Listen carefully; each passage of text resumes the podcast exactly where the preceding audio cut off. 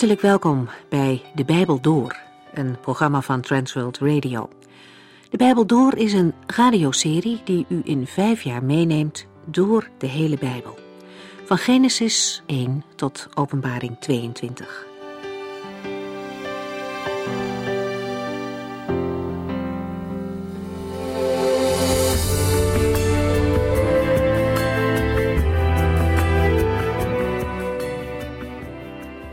Vandaag vervolgen we deze Bijbelstudies door de hele Bijbel heen met Lucas 16 vanaf vers 19. Laat ik eerst nog kort de vorige keer samenvatten. We hebben het gehad over de gelijkenis van de rijke landheer. Hij had iemand in dienst die zijn bezit niet goed beheerde en was van plan hem te ontslaan. De man zag de buil hangen en besloot de schulden van verschillende mensen te verlagen, zodat hij later bij hen zou kunnen aankloppen om hulp. Een slimme zet, vond de eigenaar. De Heer Jezus wijst zijn discipelen erop dat kinderen van God met overleg te werk moeten gaan, ook als het om geldzaken gaat. Het is nodig om betrouwbaar te zijn in wat ons nu is toevertrouwd. Je zou het als een oefenschool kunnen zien voor later. Wie met weinig bezit laat zien dat hij er trouw mee omgaat, aan zo iemand kan meer worden toevertrouwd. Een kind begint met een klein beetje zakgeld en moet leren daar verantwoordelijk mee om te gaan. Als hij groot is, dan kan hij ook overweg met veel meer. Zo moeten gelovigen leren omgaan met wat hen op deze aarde is toevertrouwd. En wie dat doet, die kan later veel worden toevertrouwd. Een van de belangrijkste lessen uit deze gedeelte is wel dat de Heer Jezus laat zien dat het geld en bezit op aarde maar tijdelijk is. Het is een oefening, als het ware. Daar moeten we goed en verantwoordelijk mee omgaan, maar vooral niet ons hart opzetten. Het is niet mogelijk om God te dienen en tegelijkertijd de God van geld en bezit te volgen. We gaan verder met vers 19 van Lucas hoofdstuk 16.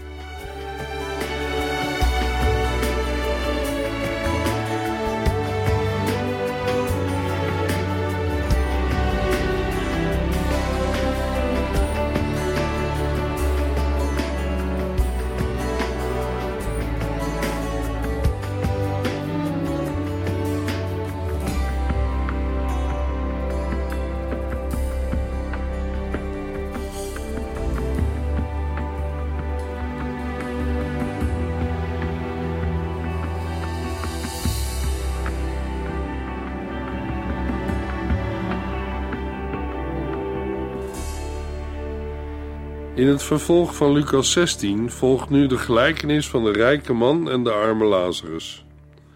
Deze gelijkenis vinden we alleen in het Evangelie naar Lucas. Het kan het beste worden gelezen in contrast met de gelijkenis van de onrechtvaardige rentmeester of beheerder. Die is verteld in de eerste negen versen van Lucas 16.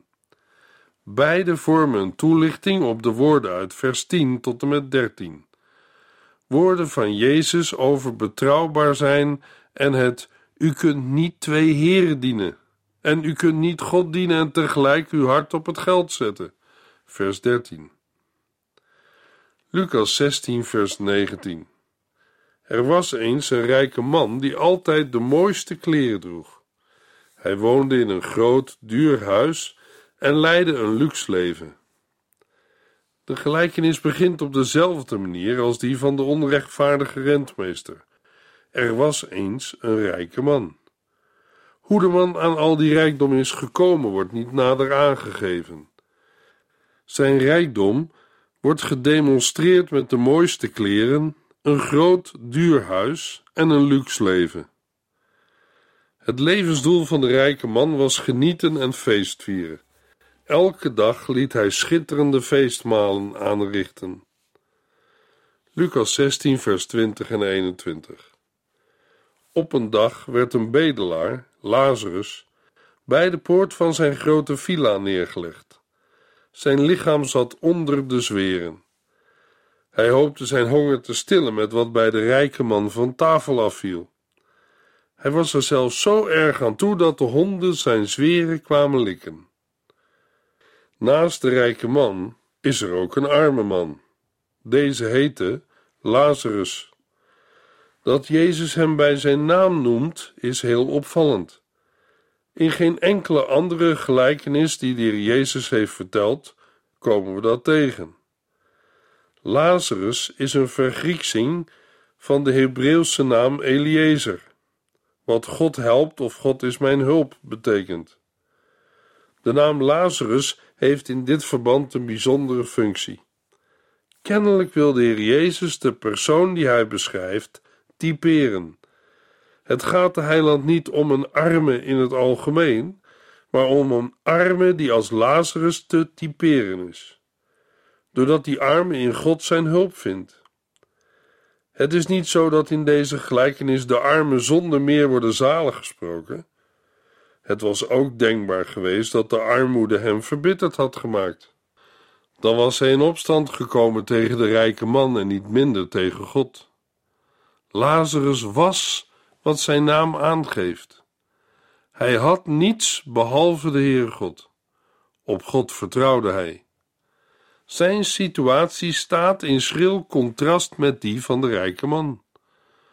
Zo lag hij aan de grote poort, die toegang gaf tot het vorstelijke huis dat de rijke man bewoonde. Hij was daar door vrienden neergelegd om te bedelen. Daarnaast vertelt de Heer Jezus van hem dat hij niet alleen arm is, maar ook onder de zweren zit. Lucas 16, vers 22. Ten slotte stierf de bedelaar. Hij werd door de engelen bij Abraham gebracht. In de voorgaande vers had de Heer Jezus het over de positie van de rijke en de arme man in het heden. Maar nu begint de Heer over hun toestand in het hiernamaals. Want beide mannen sterven. Eerst de arme. Of de man ook begraven wordt, is niet vermeld. Wel dat hij door de engelen naar Abraham werd gebracht. Met dit beeld maakt de heiland duidelijk dat Lazarus van de Heere de ereplaats kreeg. Het wijst ook op de intieme gemeenschap met de Heere God, waarin hij nu mag delen. Lucas 16, vers 23. De rijke man stierf ook. Hij werd begraven en ging naar het dodenrijk, waar men van God gescheiden is. Terwijl hij daar grote pijn leed, zag hij in de verte Lazarus, die bij Abraham was. Over de rijke man vertelt de Heer Jezus dat hij in het dodenrijk zijn ogen opslaat. Na zijn dood en begrafenis bevindt de man zich in de Hades, dat wil zeggen het dodenrijk, waar de gestorvenen verblijf houden. Het gaat daarbij om een soort bewaarplaats, die duurt tot het laatste oordeel. 2 Petrus 2, vers 9. Want dan weet de Heere de onrechtvaardigen te bewaren om hen op de dag van het oordeel te straffen. Op die dag zal het dodenrijk zijn doden weer teruggeven. Openbaring 20.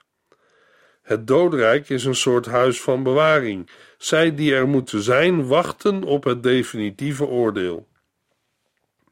Het is een plaats van pijniging en kwelling. Dat ondervond ook de rijke man. In het dodenrijk slaat de rijke man zijn ogen op en ziet hij in de verte Abraham en Lazarus, die bij Abraham was. Hij zag dat in de verte, dat wil zeggen, de afstand was van die aard dat hij hen wel kon zien, maar beslist niet kon bereiken. Zo werd de rijke man er zich pijnlijk van bewust dat de rollen nu waren omgedraaid. Hij verging nu van de pijn en Lazarus voordat hij stierf. En Lazarus, over wie hij altijd had heen gekeken, had het nu veel beter. Die werd nu in Abrahams schoot vertroost. We leren uit dit gedeelte twee dingen. Mensen die met God geen rekening houden, komen op een plaats waar God niet is, in het dodenrijk en moeten daar wachten tot het eindoordeel. Een ander leerpunt is dat de Heer Jezus laat zien dat mensen elkaar na de dood herkennen. Jezus zei: Ik ben zelf het leven. Wie in mij gelooft, zal leven, zelfs als hij gestorven is. Wie leeft en in mij gelooft, zal nooit sterven. Johannes 11, vers 25 en 26. Paulus zei tegen de Efeziërs: Ook u bent door hem tot leven geroepen. U die eigenlijk al dood was, omdat u niet leefde zoals God wilde. Efeze 2, vers 1. Een mens kan lichamelijk gezien leven, maar geestelijk zo dood zijn als een pier. De rijke man ging niet naar het doodrijk omdat hij rijk was, maar omdat hij een mens was die leefde en stierf zonder God. Lucas 16, vers 24. Vader Abraham, kermde hij, heb toch medelijden met mij. Stuur Lazarus hier naartoe, laat hij zijn vinger nat maken en daarmee mijn tong verkoelen, want het is verschrikkelijk hier in deze vlammen. De rijke man smeekte Abraham medelijden met hem te hebben. En dat, terwijl hij zelf tijdens zijn leven tegenover Lazarus geen enkele vorm van medelijden had getoond. Laat Lazarus mijn tong verkoelen. Zo verschrikkelijk was de pijn in de vlammen van de Hades. Het valt op dat hij de naam van Lazarus noemt. Hij wist wel degelijk wie de bedelaar voor zijn deur was, maar hij had zich nooit om Lazarus bekommerd. Ook nu toont hij daarover geen berouw. Lucas 16, vers 25 en 26. Maar Abraham zei tegen hem: U bent zeker vergeten dat u tijdens uw leven alles had wat uw hart begeerde. En Lazarus had niets dan ellende. Nu wordt hij hier getroost en u lijdt pijn.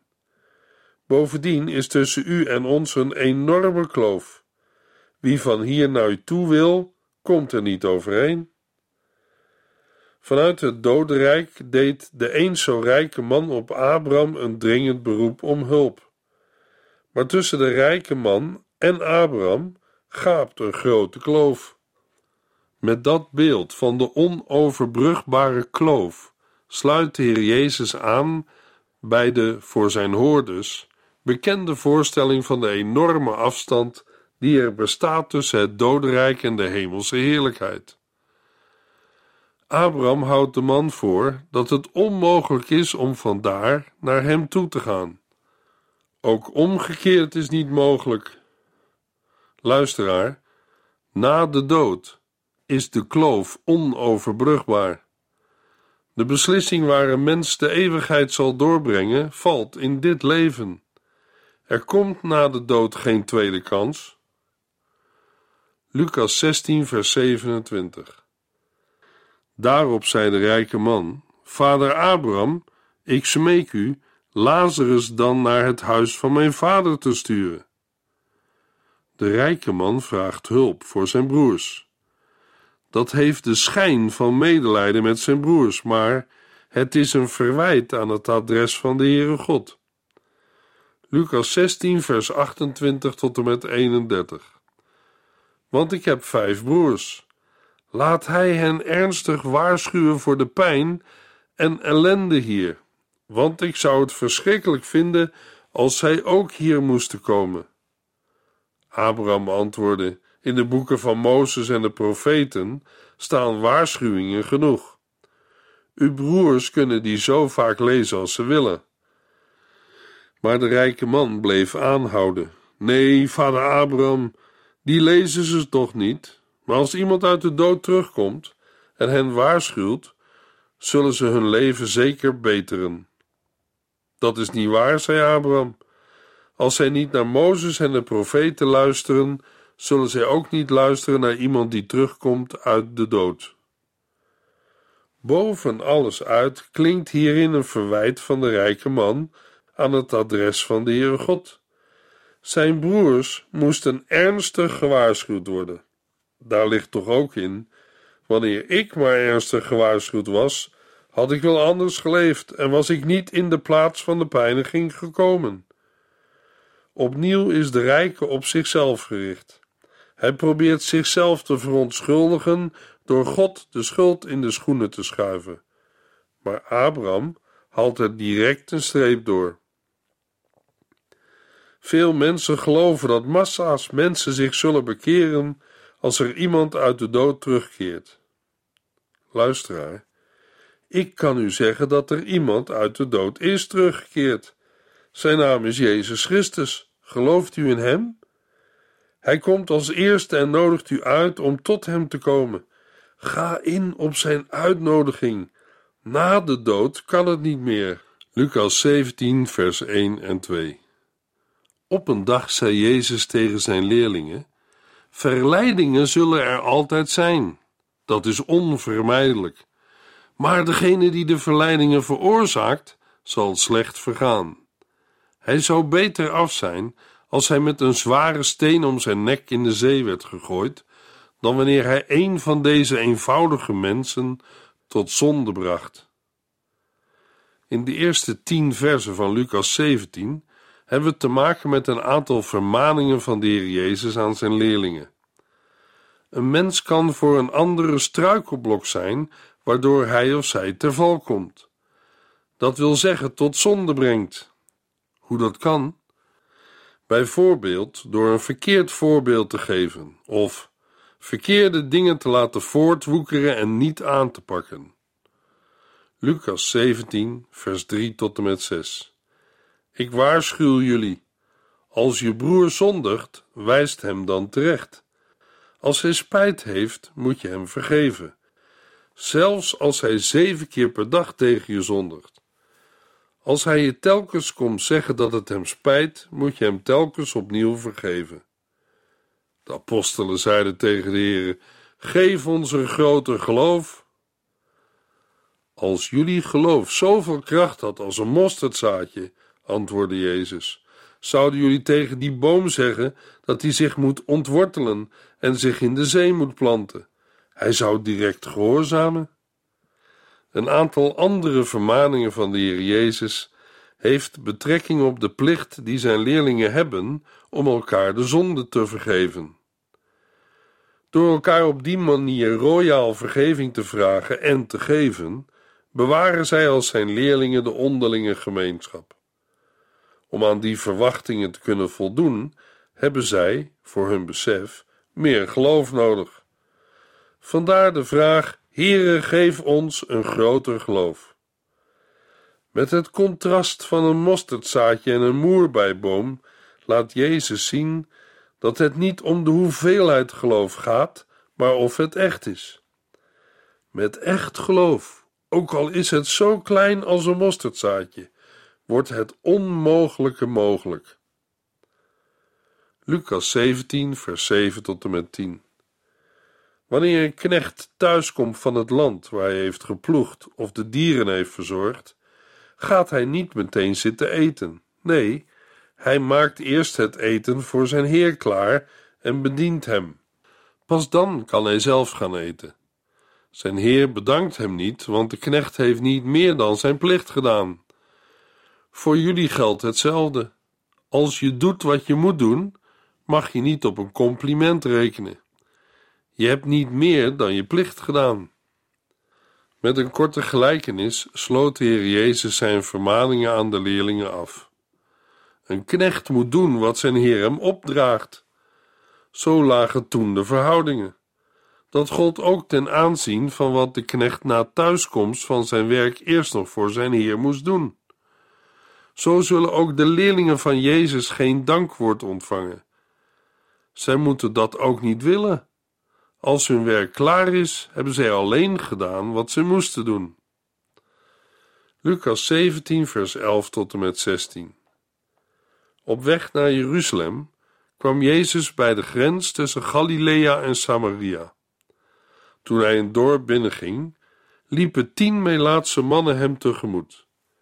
Ze bleven op een afstand staan en riepen: Meester, Jezus, heb medelijden met ons. Hij keek hen aan en zei: Ga naar de priester om te laten zien dat u genezen bent. Terwijl ze gingen, verdween hun melaatsheid. Een van hen kwam bij Jezus terug en juichte: Wat is God goed, ik ben genezen. Hij viel uit eerbied lang uit voor Jezus neer, met zijn gezicht in het stof. En hij dankte hem voor wat hij had gedaan.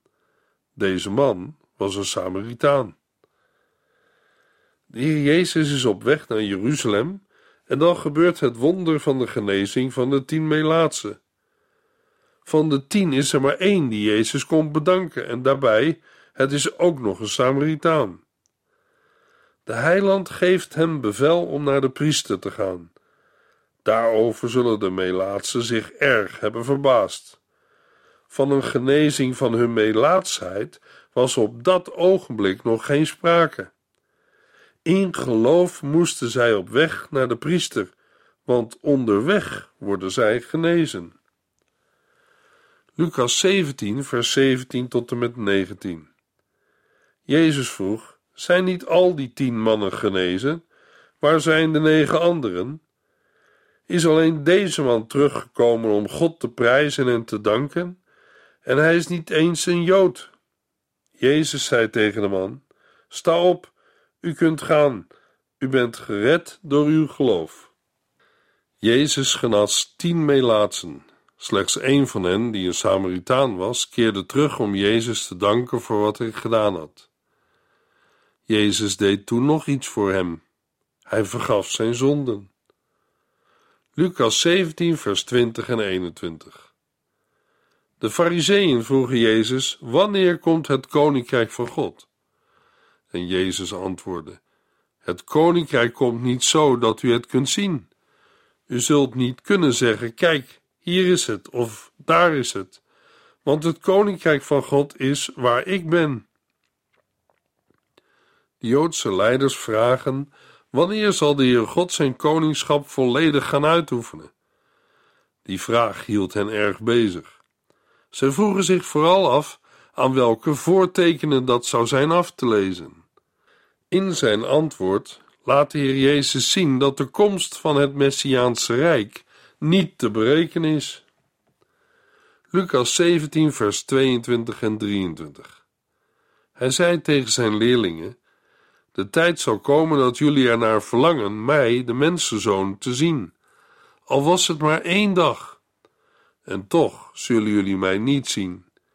Jullie zullen wel geruchten horen dat ik hier of daar ben. Op niet één van de dagen die komen, zullen de leerlingen de mensenzoon zien, en daarom zal het voor hen een zware tijd zijn. Lucas 17, vers 24 tot en met 37. Maar ga niet kijken, loop niemand achterna, want als ik, de mensenzoon, terugkom, zal er geen enkele twijfel over bestaan. Het zal zo duidelijk zijn als de bliksem die door de lucht schiet. Maar eerst moet ik vreselijk lijden. Ik zal door de mensen van deze tijd worden verworpen. Tegen de tijd dat ik, de mensenzoon, terugkom, zal men net zo onverschillig tegenover God staan als de mensen in de tijd van Noach. Die aten en dronken en trouwden. Alles ging zijn gewone gang tot op de dag dat Noach in de ark stapte en de grote overstroming de aarde teisterde. Iedereen kwam daarbij om het leven, behalve de mensen die in de ark waren. Het zal ook net zo zijn als in de dagen van Lot. Iedereen had het druk met zijn dagelijkse bezigheden: eten en drinken, kopen en verkopen, planten en bouwen, tot op de morgen dat Lot uit Sodom vertrok. Toen regende het vuur en zwavel en alle mensen in de stad kwamen om. Zo zal alles zijn gewone gang gaan, tot de dag dat ik, de mensenzoon, terugkom en door iedereen gezien word.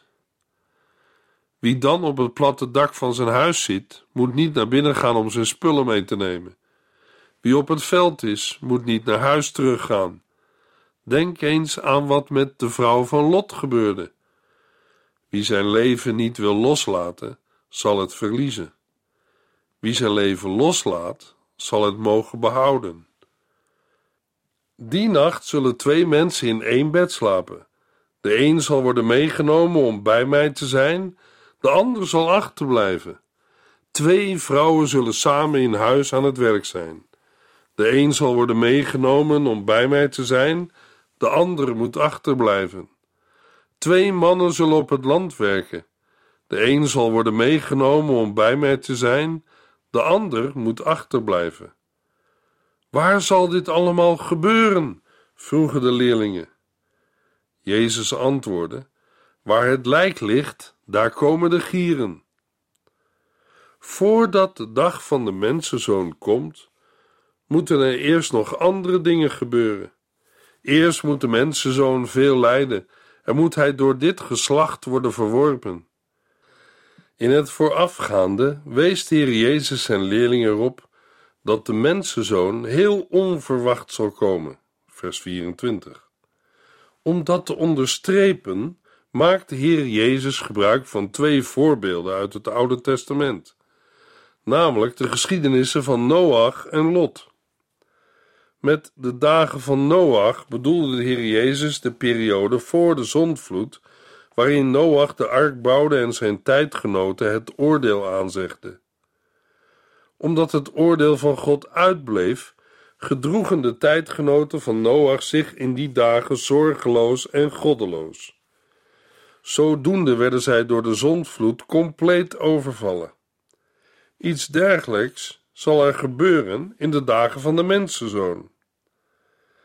Om aan te geven dat de komst van de mensenzoon heel onverwacht zal plaatsvinden, haalt de Heer Jezus een tweede voorbeeld uit het Oude Testament aan, de geschiedenis van Lot.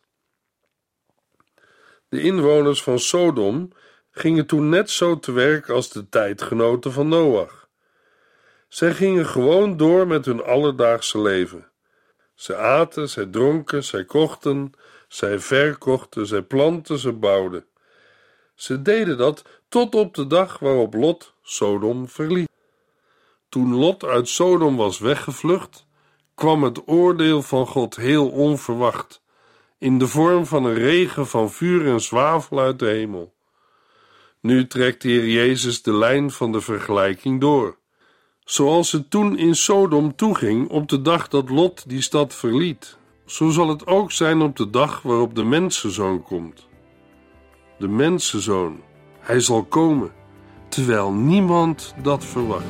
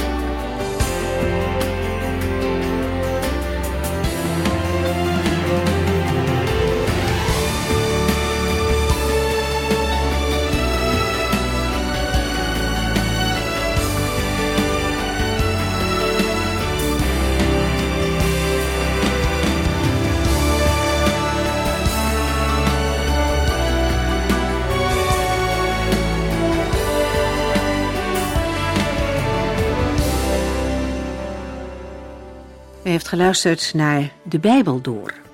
In het Nederlands vertaald en bewerkt door Transworld Radio.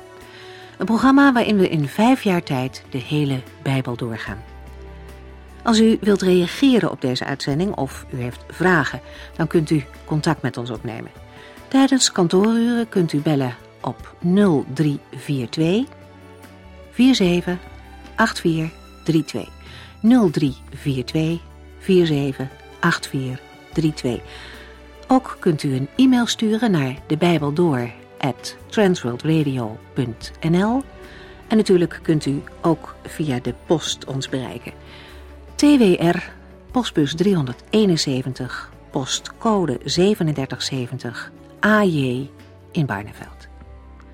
Dit programma werd gepresenteerd door Cor Weda en Ike André. Techniek was in handen van Odin van Woerdekom. En wij allemaal bedanken u voor het luisteren. Graag tot de volgende keer.